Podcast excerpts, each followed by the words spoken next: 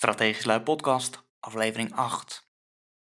Wat nou als je meer geld hebt dan dat je nodig hebt? Wat doe je dan met de rest? Gaan we het deze keer over hebben. Welkom bij de Strategisch Lui Podcast. De plek waar jij leert om meer tijd vrij te maken, je productiviteit te verhogen, je business te laten groeien en financiële vrijheid te bereiken. Nu jouw gastheer, de man die jou helpt te stoppen met tijdrovend gedoe en je op een pad zet naar moeiteloos ondernemen. Niels Gouwman. Welkom. Heb jij er wel eens over nagedacht? Wat nou als je meer geld hebt dan dat je uitgeeft? Wat doe je dan met het geld wat overblijft?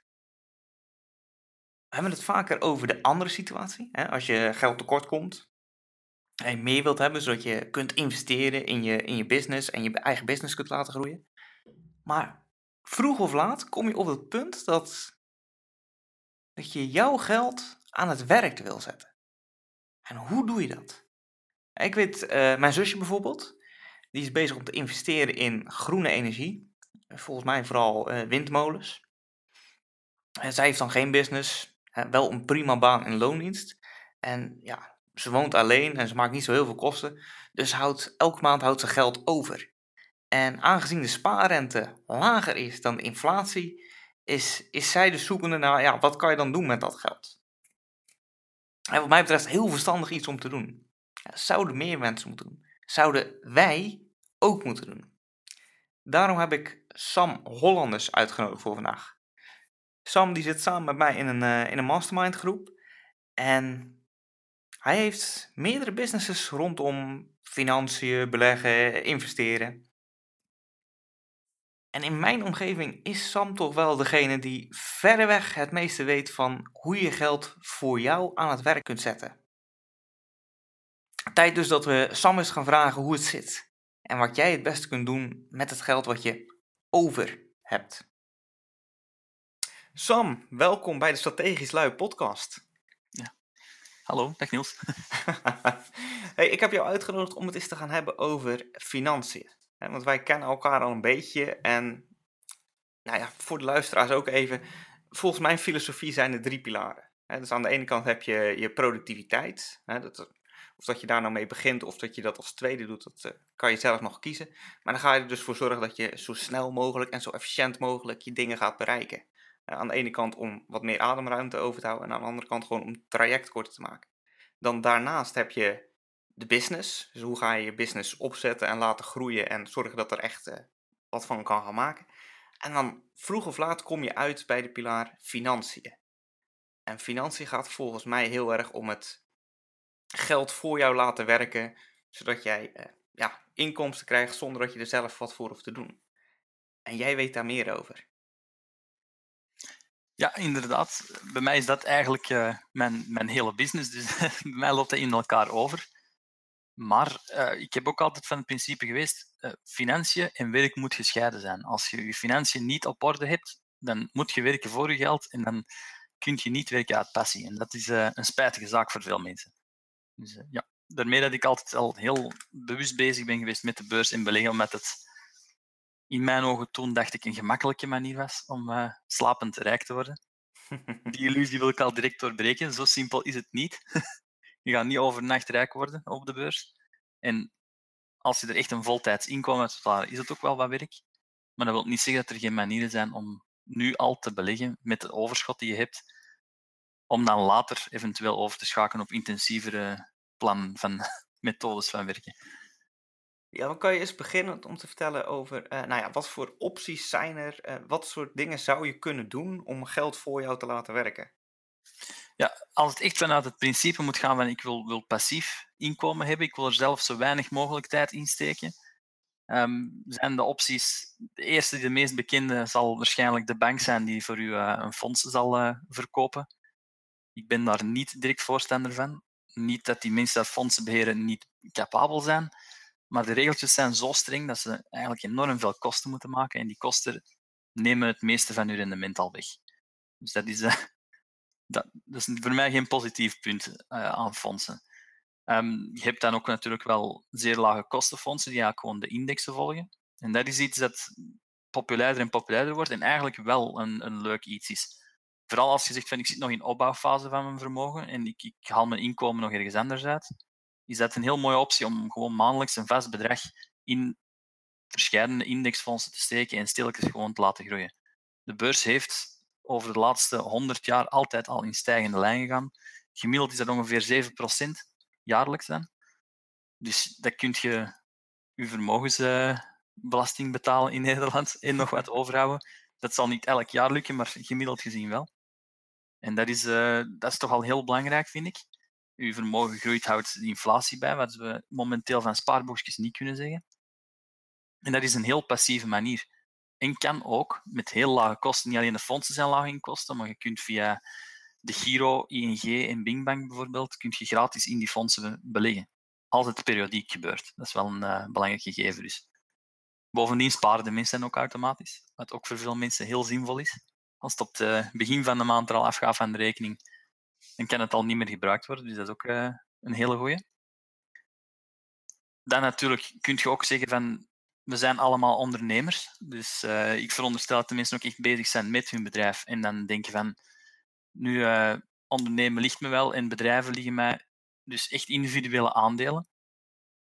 Het belangrijke daaraan is, is u ook als ondernemer te blijven opstellen. Als je aandelen koopt van een bedrijf, dat je je ook echt aandeelhouder voelt van een bedrijf, een stukje eigenaar. Want op die manier koop je aandelen volledig anders dan dat uh, andere mensen doen. De meeste mensen op de beurs gaan gewoon kijken naar een grafiek en hopen aan de hand van die grafiek te kunnen zien wat het gaat stijgen, wat het gaat dalen. Uh, tot hiertoe ben ik nog niemand tegengekomen die daar consequent in slaagt. Dus uh, ik ben nu toch al een tiental jaar echt heel actief bezig met beleggen. Voor was het meer een hobby, maar ja. Zo hoor ik het niet graag, want hobby's kosten in principe geld en beleggen moet opbrengen. Dus, ja, als het alleen maar geld kost, dan kan je het net zo goed niet doen.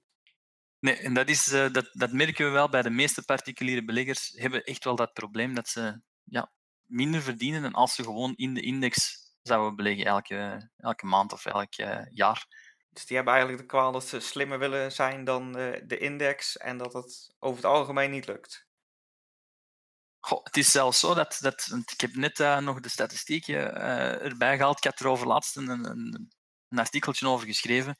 Um, in plaats van bijvoorbeeld te beleggen in fondsen, dat, dat holdings, namelijk bedrijven die dat een, op zich weer beleggen in verschillende bedrijven, dat dat een heel goed alternatief is.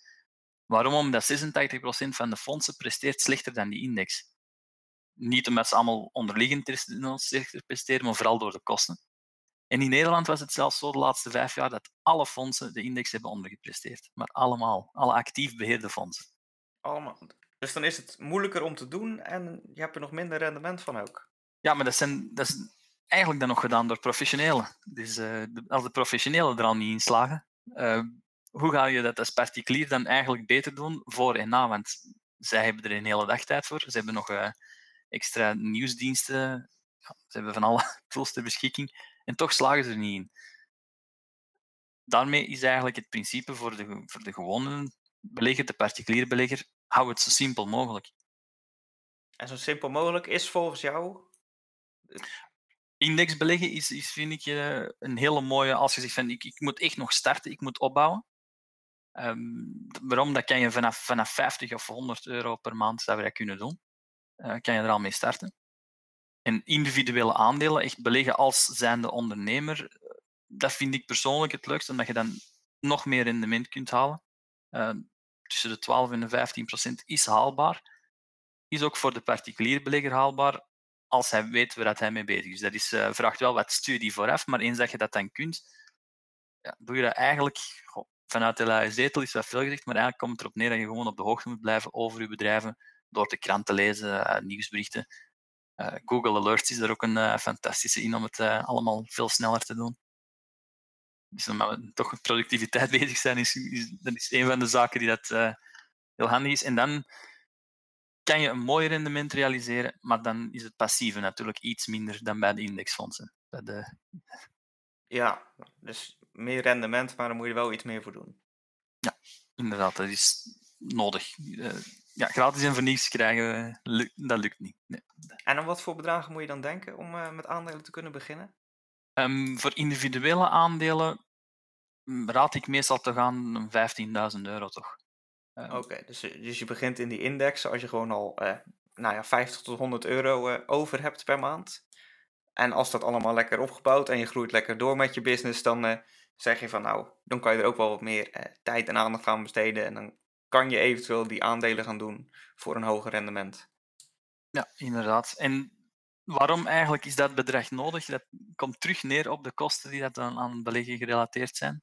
We hebben nu met de Giro wel een heel goedkope broker in Nederland.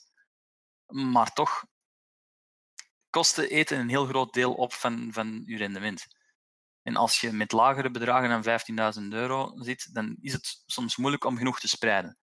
Je moet ook beseffen, als particulier belegger kun je niet heel de dagen bezig zijn met je beleggingen, dus moet je eigenlijk een, een minimaal een vijftiental aandelen hebben in je portefeuille. En als je dan weet dat ongeveer een 1000 euro kostenbewust het interessantste is, komt je op 15.000 euro uh, startkapitaal dat nodig is.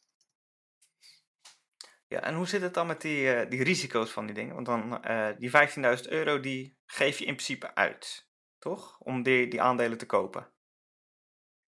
Maar aandelen zijn echt eigendomsbewijzen van het bedrijf. Dus de risico's, de, je hebt natuurlijk altijd een tegenpartijrisico, zo gezegd. Mensen denken dat de broker, dat je daar eigenlijk de stukken koopt, maar dat is niet zo. Die, die aandelen die zijn van u, die staan op uw naam, die zitten ergens apart. Dus op zich, daar is geen risico. Wat wel altijd het risico is, is het risico van de bedrijven zelf. Dus er kan altijd iets mislopen bij de bedrijven. Vandaar dat we naar 15 verschillende bedrijven al gaan. Um, waarom is dat eigenlijk? Omdat vanaf 15 bedrijven geloof ik dat je al een spreiding hebt. Dat je nog maar 93 procent. Nee, het is van 16 aandelen. Ik even opzoeken. Als vanaf dat je 16 aandelen hebt, heb je 93 procent eigenlijk dat weggefilterd wordt van de individuele risico's. Dus als er met één bedrijf specifiek iets zou mislopen, is eigenlijk, gaat dat impact hebben van maximaal 7 procent op je portefeuille. En dat is, daarom moeten we naar die spreiding gaan het risico van de markt natuurlijk, dat op en neer gaat, die is er altijd. Daar kunnen we weinig tegen doen. Daarmee ook dat het, het gespreid indexbeleggen interessant is. Je gaat kopen op dure periodes en je gaat kopen in goedkope periodes. En als je altijd voor hetzelfde bedrag belegt, koop je de ene keer misschien voor die, voor die 100 euro maar één aandeel. Of, of één, index, uh, stuk van het indexfonds. En in goedkope periodes kan je misschien drie of vier kopen. Maar uiteindelijk, als de periode lang genoeg is, ik spreek dan 15 tot ja, 15 jaar, dan komt je wel al, bijna altijd in de plus uit. Zelfs nu, uh, we hebben 2001 WTC-torens gehad, dan is de, de markt gecrashed, vlak na de dotcom-bubbel. We hebben in 2008 de financiële crisis achter de rug. En zelfs dan nog staan de beurzen nu op de plus. Dus ik denk niet dat het in de toekomst nog veel erger gaat worden. Periodes uh, zoals deze is eigenlijk 2008 is uniek. Um, ervoor, de keer ervoor was uh, in de jaren 30. Dus, uh... dus dat is gelukkig al een tijd geleden. Ja, het is in, inderdaad. Het lijkt nu allemaal door, door het internet wel sneller en sneller elkaar op te volgen. Maar eens dat je dan ook echt bewust bent van, van de manier van beleggen, zijn dat ook de momenten dat fortuinen worden geschapen eigenlijk. Dus dat is dan, ja, dan moet je al iets aan ervaring hebben, maar ja, dan kun je echt ja, de momenten dat iedereen in de paniek uh, uitstapt, kan jij goedkoop instappen. Ja, inderdaad. En, maar dat vraagt een bepaalde mentaliteit. En dat is als mens moeilijk. Want als mens hebben we altijd uh, het gevoel safety in numbers en we volgen de massa. En dat is net hetgeen dat je eigenlijk op de beurs niet mocht doen. Uh, Warren Buffett zijn uitspraak is daar heel goed in. Be fearful when others are greedy and be greedy when others are fearful. En dat is een hele sterke om te onthouden als nu, de brexit is nu heel actueel. Gaat uh, Engeland in uh, de Europese Unie blijven? Ja, al dan nee. Vorige week kregen we eerst een enorme sell-off in aandelen. Er is 8% afgegaan. Puur op bang eigenlijk, dat ze eruit zouden gaan. En met dat dan de dame vermoord is, de politica, Joe, ja, achternaam eventjes kwijt, reageerde de beurzen opgelucht. Want het Remain-camp zal uh, dat blijkbaar uh, aanhang doorwinnen, dus, dus stijgen de beurzen terug. Dus op korte termijn is het soms gokken, dat is, een, dat is een goktint. Maar als je weet van, ik heb nu een bedrijf voor mij dat 100 euro waard is, en door die tumult op de beurzen zakt die naar 90 euro, ja, dan weet je gewoon dat je het moet kopen. Want hoeveel keer kan je iets kopen en dat, als je in de supermarkt gaat en je ziet een fles, uh, fles cola staan en die is afgeprijsd, dan ga je ook een extra fles meenemen. Dat is eigenlijk het idee erachter. Dat is net hetzelfde op de beurs. Ja, alleen die cola die levert je voor de rest niks meer op. En terwijl dit bedrijf waar je dan een aandeel in hebt gekocht, dat uh, kan jarenlang nog uh, geld opleveren voor je. Dat is de bedoeling. En, en in Nederland weet ik dat uh, dividendbeleggen onder andere heel populair is. Um, als Belg hebben wij iets minder geluk en we gaan er bij ons zware belasting af. uh, maar in Nederland geloof ik dat er 15% bronbelasting maar is. Um, en dan voor de rest niets. En dan is het dividendbeleggen ook een heel mooie. Je kan namelijk goede, sterke bedrijven kopen die dat jaarlijks hun dividend verhogen. En als je dat heel vroeg begint te doen, liefst als, uh, als dertiger, als je dat, uh, of zelfs als twintiger, dat zou nog idealer zijn. Als je bedrijven zoals een Coca-Cola en zo kan kopen en die verhogen elk jaar hun dividend, ja, dan moet je maar eens uitrekenen wat je tegen als je 60 bent van, uh, van inkomsten krijgt. Dat is fenomenaal eigenlijk om te zien. Dat is, uh, Einstein noemde het niet voor niks het uh, achtste wereldwonder. De, de rente op rente is het dan. Ja, maar wat je in principe dan doet, als ik hem goed begrijp, is dat je elke keer als jij uitbetaald krijgt, want je krijgt uitbetaald dan toch van die dividend? Dividend. Um, sommige bedrijven geven de keuze in cash of in, uh, in nieuwe aandeel. Ja, dus in principe wil je dat dan elke keer weer terug investeren in jouw, in jouw ja, investeringsportefeuille. Afhankelijk van, van waar je staat in je leven, maar ik veronderstel de, de mensen die dat uh, naar Strategisch podcast luisteren, zijn allemaal uh, ondernemers die dat nog volop in de bloei zitten. Ik denk dat die inderdaad enkel nog vermogen willen opbouwen. Dat lijkt me. Ja, zodat ze uiteindelijk daar voldoende inkomen uithalen, zodat ze nou ja, met pensioen kunnen of meer ruimte hebben om hun passie te volgen en dat soort ja, zaken. Enkel nog maar te doen hetgeen dat ze graag doen. Dat vind ik, dat is het ideaalbeeld. Ja, dat ze makkelijker nee kunnen zeggen tegen dingen die, die minder leuk zijn. Dat ze het allemaal niet meer nodig hebben per se. Ja, inderdaad. Dat is, dat is altijd het einddoel, toch, vind ik. En is het, um, want je zegt dividend, dat is iets wat uh, uit wordt betaald of je krijgt uh, nieuwe aandelen. Is dat bij alle mogelijkheden zo, of is het bij andere zo dat je het weer goedkoop moet kopen en duur moet verkopen voordat je iets van geld erin uit terugkrijgt? Dat is natuurlijk mogelijk, want er zijn bedrijven die geen dividend uitkeren. Um, maar de bedoeling is er natuurlijk wel dat zij hun winsten herinvesteren. Um, in principe, als belegger zien, zien wij enkel graag dividenden uitgekeerd als het bedrijf zelf niet meer echt weet wat ze met het geld moeten doen. Een echt heel sterk groeiend bedrijf kan misschien beter in zichzelf terug investeren dan dat ze het uit zouden keren naar, uh, naar de beleggers. Dus, en zolang dat dat is, dan is het inderdaad zo dat, dat de waarde van het bedrijf alleen maar groter zal worden. En als je dan op die moment geld nodig zou hebben, ja, dan kan je natuurlijk niet anders dan uh, een stukje verkopen om het terug vrij te maken. Dus als ik hem goed begrijp, als jij uh, aandelen koopt, hè, want je zei of dan kan je rekenen op 10, 12 procent groei op een jaarbasis. Dan kan je dat, die, die 10, 12 procent die dan gegroeid is, daar kan je alleen aanspraak op maken als jij aandelen weer verkoopt als je echt, als je echt de 10% wilt uh, eruit halen, dan, dan zal je bijna altijd stukken moeten verkopen. Ja. Dat zal niet lukken enkel uit dividenden. Er zijn wel heel hoge dividendwaardes, maar dan moet je ook echt de studie kunnen maken voor te kijken van, is het nog een veilige belegging? Want vanaf dat ze in de dubbele cijfers komen, heeft dat meestal wel een reden. Dat, dan is er iets mis in de sector of uh, is er enorm veel pessimisme en dan ja, moet je wel kunnen zien waarom dat er is dan is het ook weer niet meer passief, moet je echt studie gaan doen en dan mag je toch een aantal uren vooruit trekken per bedrijf. dus dan wordt het alweer werk. Ja, inderdaad. Dus dat is, als je echt zegt, ik wil veilig, veilig beleggen, is die echte heel hoge dividenden is dan niet, uh, meestal niet het eerste dat, dat in mij zou opkomen. Dan eerder de stabiele bedrijven, de grote waardes die gewoon jaarlijks hun dividend verhogen. Dat is een heel, dat is een heel raar iets, de meeste mensen denken van als een bedrijf zijn dividend ieder jaar verhoogt, is het een heel goed bedrijf. En dat is niet altijd zo, maar het zijn wel enkel de heel goede bedrijven die dat, dat kunnen. Dus het is eigenlijk andersom. Dat is, uh, het dividend verhogen is een symptoom geen kenmerk van een goed bedrijf. Dus, uh, ja, het, het symptoom is dan natuurlijk omdat ze het geld over hebben, zodat ze het kunnen uitkeren. Ja, inderdaad. En bij die fondsen is het daar ook zo dat je weer moet verkopen voordat je je geld uh, terugziet, wat dat betreft? Of keren die we ook uh, elk jaar uit? Er zit, er zit verschil op. Er zijn uh, kapitaliserende fondsen en er zijn uitkerende fondsen. Dus dat is afhankelijk van fonds tot fonds. Maar er zijn, er zijn meer fondsen als aandelen. Dus ja, heel raar, want uiteindelijk beleggen die fondsen allemaal in aandelen. Dus je zou denken op een gegeven moment stopt dat, maar nee. iedere bank geeft er soms dezelfde uit als een andere bank. Dus maar daar zit in ieder geval wel een verschil Je hebt kapitaal dat terug wordt geïnvesteerd, wat fiscaal soms interessant kan zijn.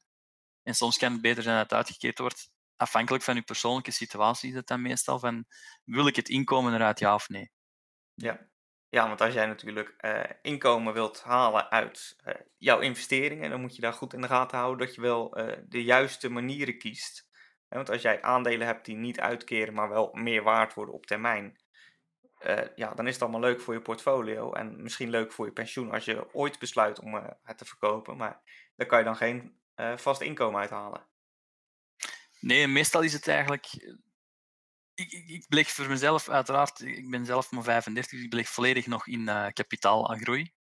maar voor mijn ouders die dat wel op pensioen zijn, kijk ik uiteraard wel, wel op een andere manier naar beleggen, namelijk het, uh, het genereren van een inkomen. En dan is het eigenlijk een beetje de verdeling maken tussen hoeveel uh, inkomen wil ik er kunnen uithalen uit dividenden en hoeveel wil ik in kapitaalbehoud is het dan bijna. En dus de inflatie eigenlijk blijven volgen. Want als je dat niet doet, ja, dan wordt je geld ieder jaar minder waard. Dus dat is misschien ook wel uh, een hele belangrijke. Ehm, de inflatie zorgt er eigenlijk voor dat ieder jaar je minder kunt kopen met hetzelfde geld. Alles wordt gewoon duurder. Uh, en ze beweren wel dat inflatie erg laag is, totdat je naar de winkel gaat en uh, groenten moet kopen. Dan, weet je, dan weten we allemaal dat het niet zo is. En daarmee is ook het, het beleggen of het, het investeren ook zo'n belangrijke. Ook voor mensen die dat nu momenteel zeggen van ja, ik heb het geld nog niet. Of, of vanaf dat ze de kans hebben, zouden ze het moeten doen. Want het geld op de, dat gewoon op de spaarrekening staat, dat wordt elk jaar gewoon minder waard. Ja, want de rente op de spaarrekening is op dit moment lager dan de, het inflatiepercentage, toch?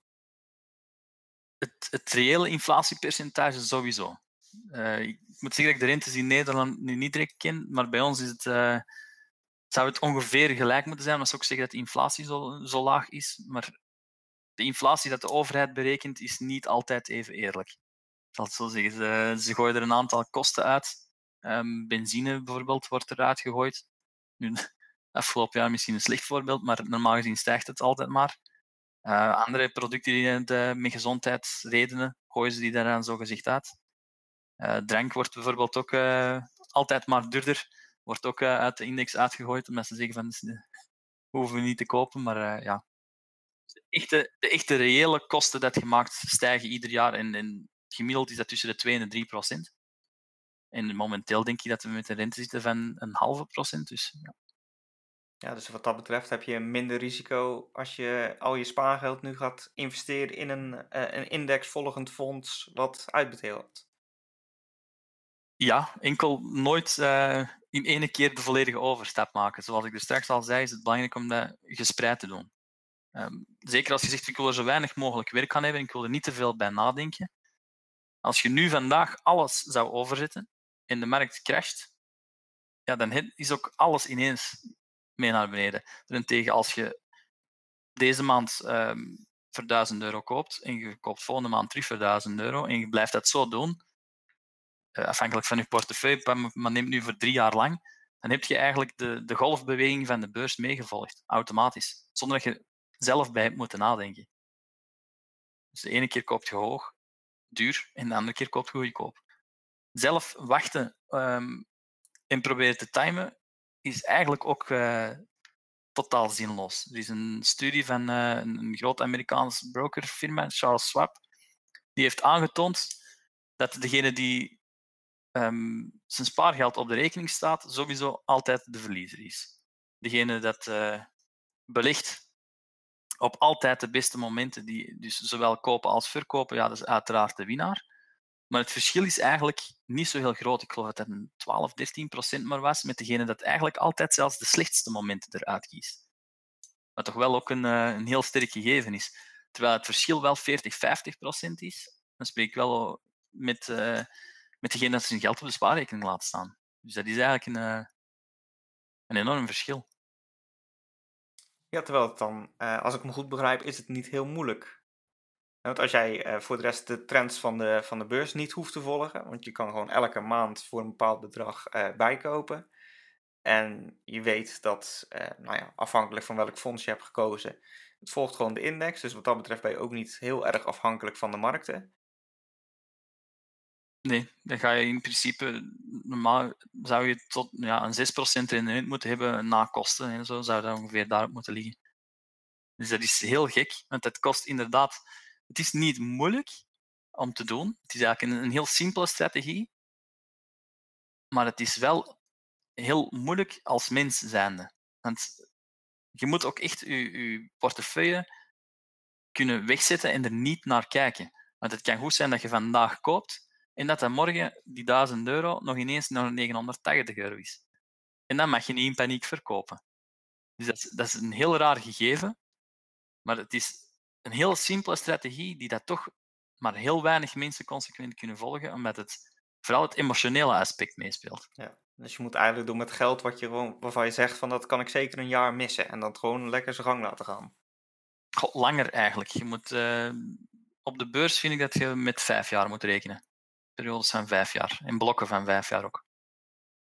Dus als je zegt van ik wil, bijvoorbeeld ik ben, en, ik ben tegen pensioen aan, dan zou je eigenlijk moeten kijken van ah, ik wil een deel op de beurs laten staan, maar dan zou je eigenlijk moeten zeggen van nu haal ik voor de komende vijf jaar hetgeen dat ik verwacht nodig te hebben, haal ik eruit en zet ik wel vast, uh, vastrentende producten, obligaties of uh, iets dat gewoon uh, op vervaldag iedere keer wel hetzelfde bedrag teruggeeft, zet ik zo opzij. Ja, dan kan je de helft laten groeien en wat je, wat je nodig hebt, dat haal je weg. Ja, dat is, uh, dat is wel een hele belangrijke. Want anders loop je altijd het risico dat je op, als de beurs crasht en je moet verkopen, moet je eigenlijk veel meer verkopen dan dat je eigenlijk zou willen verkopen. Dus dat is net hetzelfde. Zoals je ook stelselmatig wilt opbouwen, moet je eigenlijk aan de andere kant, als je op pensioen gaat, ook stelselmatig terug afbouwen. Ja, dus nooit in één keer alles eraf halen. Ook niet. Of het moest natuurlijk zijn als het echt uh, de prijzen waanzinnig duur zijn. En, en ja, misschien dat je tegen dan genoeg ervaring hebt dat je het ook ziet, dan is het misschien wel een interessant moment. Maar het gekke is op de beurs dat, dat niemand eigenlijk kan voorspellen van gaan ze nog hoger gaan, gaan ze, gaan ze in elkaar zakken. En is het zo dat je op elk moment zou kunnen uitstappen? Je kan op elk moment uitstappen. Je zegt, ik heb morgen dat geld nodig. De meeste fondsen zijn, worden echt op de beurs zelf verhandeld, dus, dus kunnen op de minuut verkocht worden. Um, dan zijn er ook nog fondsen, dat is echt van, van financiële instellingen zelf is, dat er dan wel uh, soms een week of tot een maand kan overgaan. Maar langer als dat normaal nooit. Ja, dus dan is het wat dat betreft natuurlijk ook stom als je in één keer alles eruit haalt. Want dan moet je het weer ergens gaan laten. Ik neem aan dat je het niet op dezelfde dag gelijk allemaal uitgegeven hebt. Dus als je, als je dan alsnog besluit om het op een spaarrekening te zetten, had je het net zo goed kunnen laten staan. Ja, in de mate dan van, ja, ik zeg het altijd wel echt, dat vraagt wel een planning vooraf. Je moet echt zien van, ik verwacht het komende jaar zoveel uit te geven. Dat zou ik er sowieso minstens dan altijd wel uh, zien dat dat op, opzij staat. En dan in de loop van het jaar, dat eigenlijk voor het volgende jaar ook al stelselmatig opbouwen. Dus in plaats van, uh, als je merkt, in een portefeuille, zeker als je individueel aandelen ziet, gebeuren er altijd transacties. Je koopt, je verkoopt en eigenlijk moet je in die transacties al rekening houden met ik verkoop nu uh, voor 1200 euro bijvoorbeeld en in plaats van die 1200 euro terug volledig te investeren, ga ik 200 euro al opzij zetten voor de rekeningen van volgend jaar en de 1000 euro die gaat er terug in. Dus op die manier echt heel, heel zachtjes aan, stelselmatig opbouwen en afbouwen. Dat is, een, dat is echt een hele belangrijke. Ik heb uh, de studie van, van Schwab er eventjes bijgenomen, om, om even uh, het voorbeeld te geven. Uh, het gaat over een periode van 20 jaar, waarin dat ze elk, elk jaar 2000 dollar uh, beleggen. De ene, die, die, zoals ik zei, kan perfecte markttimen, komt altijd perfect hoog of laag kopen, verkopen. Um, dan is er iemand die dat via een vast patroon werkt. Elk jaar gewoon de 2000 euro meteen in januari uh, erin steekt. En dan heb je iemand die dat altijd net de verkeerde beweging doet. Die dat op het hoogste punt altijd uh, aankoopt en op het laagste punt altijd verkoopt. en dan heb je degene die nooit iets, uh, nooit iets doet. En de verschillen zijn echt enorm. Degene dat nooit iets doet, in, in de studie Tom Twijfel, uh, die, die heeft op het eind van de rit, door, elke, door 20 jaar lang 2000 euro te sparen en dan ook uh, interest te krijgen, heeft hij 51.000 dollar. Als je dat vergelijkt met degene dat alles verkeerd doet, die heeft 72.000 dollar. En als je dan gaat kijken, degene dat alles perfect doet, heeft 87.000 dollar. Dus als je ziet, het verschil tussen degene dat alles fout doet en degene dat alles verkeerd doet, is nog behoorlijk. 17.000 dollar. Maar als je dan het verschil gaat zien tussen degene dat alles uh, gewoon op de rekening laat staan en degene dat alles perfect heeft gedaan, ja, dat is 30.000 dollar. Dat is 60% uit het hoofd gezien uh, verschil. Dat je meer in de wind hebt. Dat is een behoorlijk verschil. Ja. En als je dan gaat kijken, degene dat alles gewoon in januari genomen heeft en geïnvesteerd heeft, die had 81.000 dollar. Dus als je, het, het verschil is eigenlijk niet zo heel groot dus tussen perfecte beslissingen nemen of gewoon zorgen dat je ieder jaar hetzelfde doet.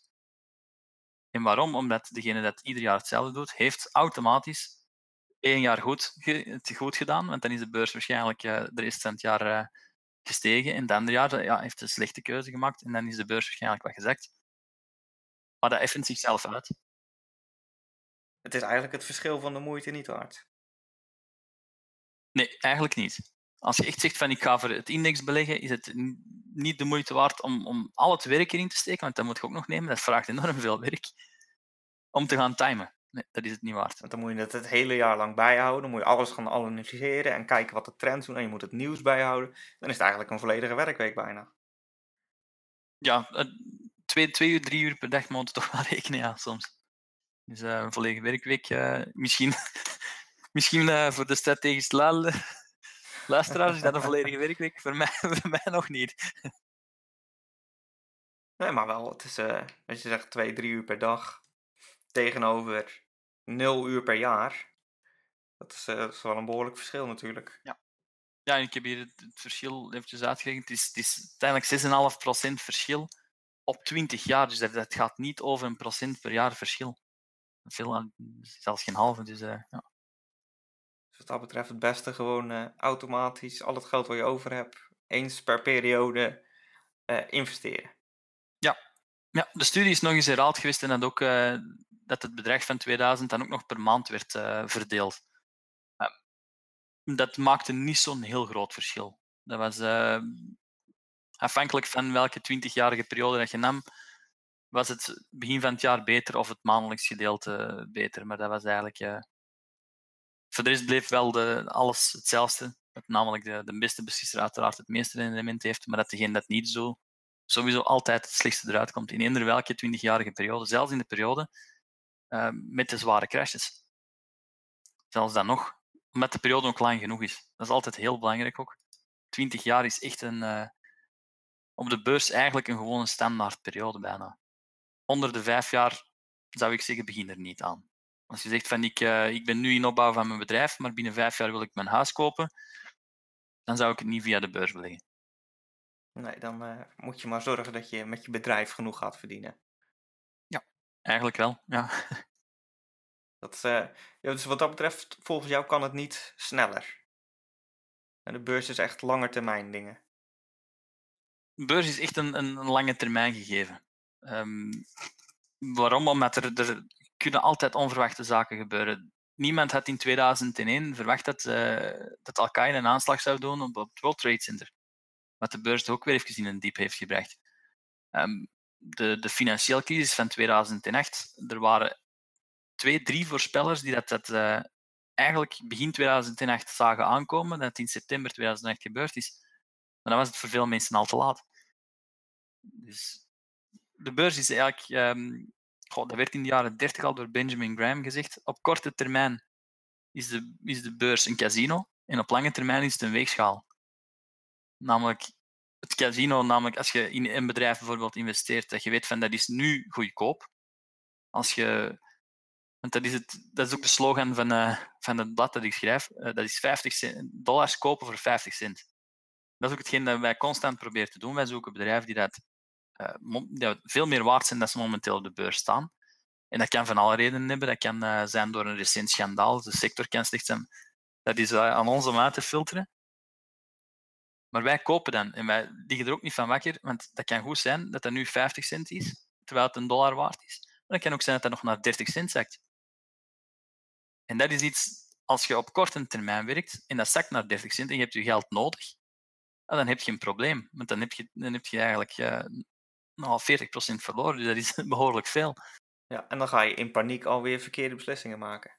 Ja, terwijl dat, dat als je op lange termijn denkt en je ziet van, kijk, goh, dat zakt die nog 30 cent. En, en meestal, als er een grote schommeling zijn, maak ik mijn uh, huiswerk volledig opnieuw, reken ik alles terug uit. En ik kom terug tot dezelfde conclusie. Ja, dan is het voor mij net het moment om nog extra bij te kopen. Ja, want je weet dan, als je 20 jaar lang laat staan, uh, dan uh, gaat het totaal de andere kant op. Ergens, ergens in de komende ja, vijf jaar is het dan meestal wel, weet je gewoon dat dat terug naar die een euro of, of die een dollar zal evolueren. Dat, dat is een gegeven. Daarmee dat, ook, uh, dat hij het ook zei, van het is een weegschaal. Op een gegeven moment komt het juiste gewicht wel boven. En dan heel vaak schiet het er zelfs nog voorbij, want dan worden de mensen ineens uh, euforisch en dan, uh, dan gaan ze soms de waarde overschatten. Ja, en dan gaat de rest ook instappen, omdat ze dan ook eindelijk de trend zien. Ja, want dan denken ze, nu is iedereen geld aan het verdienen. Hey, kijk, die verdient geld, dat wil ik niet missen. Dus alle korte termijn investeerders, die stappen dan ineens in. Op korte termijn, ik zou het echt iedereen afraden. Op de beurs op korte termijn. De, als je verwacht het geld binnen de twee, drie jaar nodig te hebben, zet het vast in, in vastrentende, probeert iets meer te krijgen dan dat je op je spaarrekening krijgt via zo veilig mogelijke obligaties of uh, uh, internetspaarrekening. Uiteindelijk uh, garandeert de Europese Unie toch tot 100.000 euro. Dus het is misschien een heel pervers effect, maar eigenlijk moeten we als, als kleine spaarder niet echt kijken naar de stabiliteit van de banken. Want ze garanderen toch 100.000 euro vanuit de Europese Unie, dus zolang je daaronder blijft, is er allemaal niks aan de hand. Hoef je daar niet in te verdiepen. Goh, en het is momenteel zelfs nog zo dat je eigenlijk zou kunnen zeggen van ik zet 100.000 euro bij de één bank. Uh, wel heel goed nakijken dat ze geen enkele alliantie heeft met een andere, want soms zit zelfs de bank met verschillende merknamen in de markt. Maar eigenlijk zou je dat per bank kunnen doen. Ja, want dan hoor je elke keer opnieuw uh, onder de garantie. Ja, inderdaad. Er is nog geen uitwisseling van, dus uh, zover zijn ze nog niet. Even concreet uh, om af te ronden. Jouw, wat is jouw advies? Mensen horen dit nu en die denken van, oh ja, dat zou ik eigenlijk moeten doen. Waar beginnen ze? Um, ik, ja, ik, ga misschien een beetje te veel uit van, van het beeld dat ik heb van de strategisch luisteraar. Um, en dat is eigenlijk met het maandelijks periodiek beginnen opzij zetten.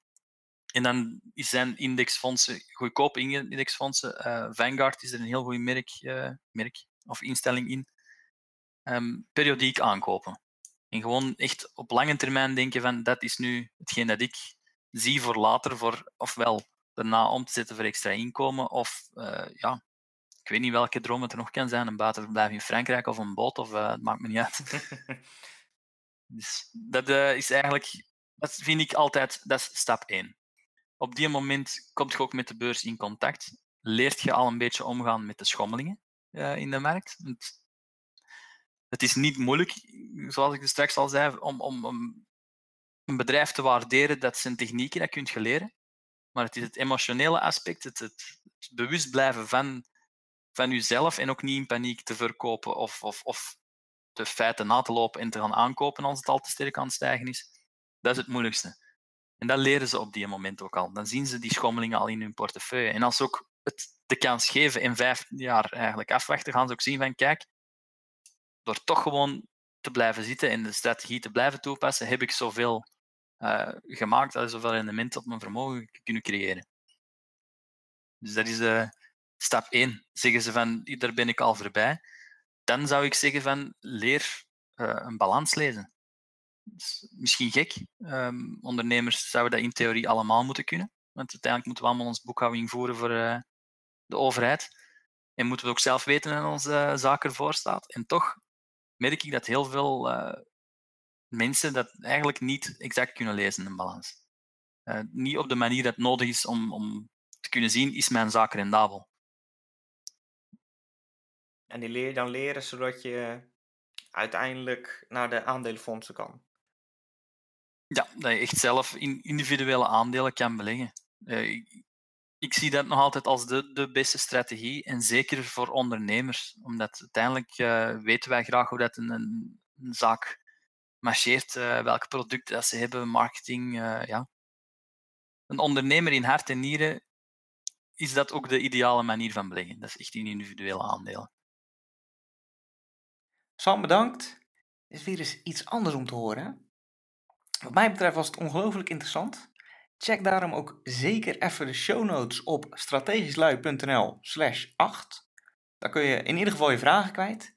En wat misschien nog wel belangrijker is, daar staan dus ook linkjes met plekken waar jij voordelig kunt index beleggen. Die heeft uh, Sam uitgezocht en naar mij opgestuurd. En, en ook een aantal van, uh, nou ja, van Sam's aanbevelingen voor fondsen. Een stuk of drie geloof ik dat te zijn. dus als je aan de slag wil, begin dan zeker daar. strategischlui.nl slash 8. Of als je nou nog niet op het niveau bent dat je geld over hebt om te kunnen beleggen. Als je nog druk bezig bent om jouw business op te bouwen en te laten groeien. Check dan zeker de Strategisch Lui Academy waar we jou door middel van praktische modules helpen om jouw productiviteit te verhogen en je business te laten groeien. Zodat ook jij op het punt komt dat je kunt gaan beleggen. Morgen ben ik bij je terug met de enige echte Miss Cut the Crap, Patty Holstein. Tot dan. Ontdek hoe ook jij een tijdrevolutie kunt creëren. Check strategischlui.nl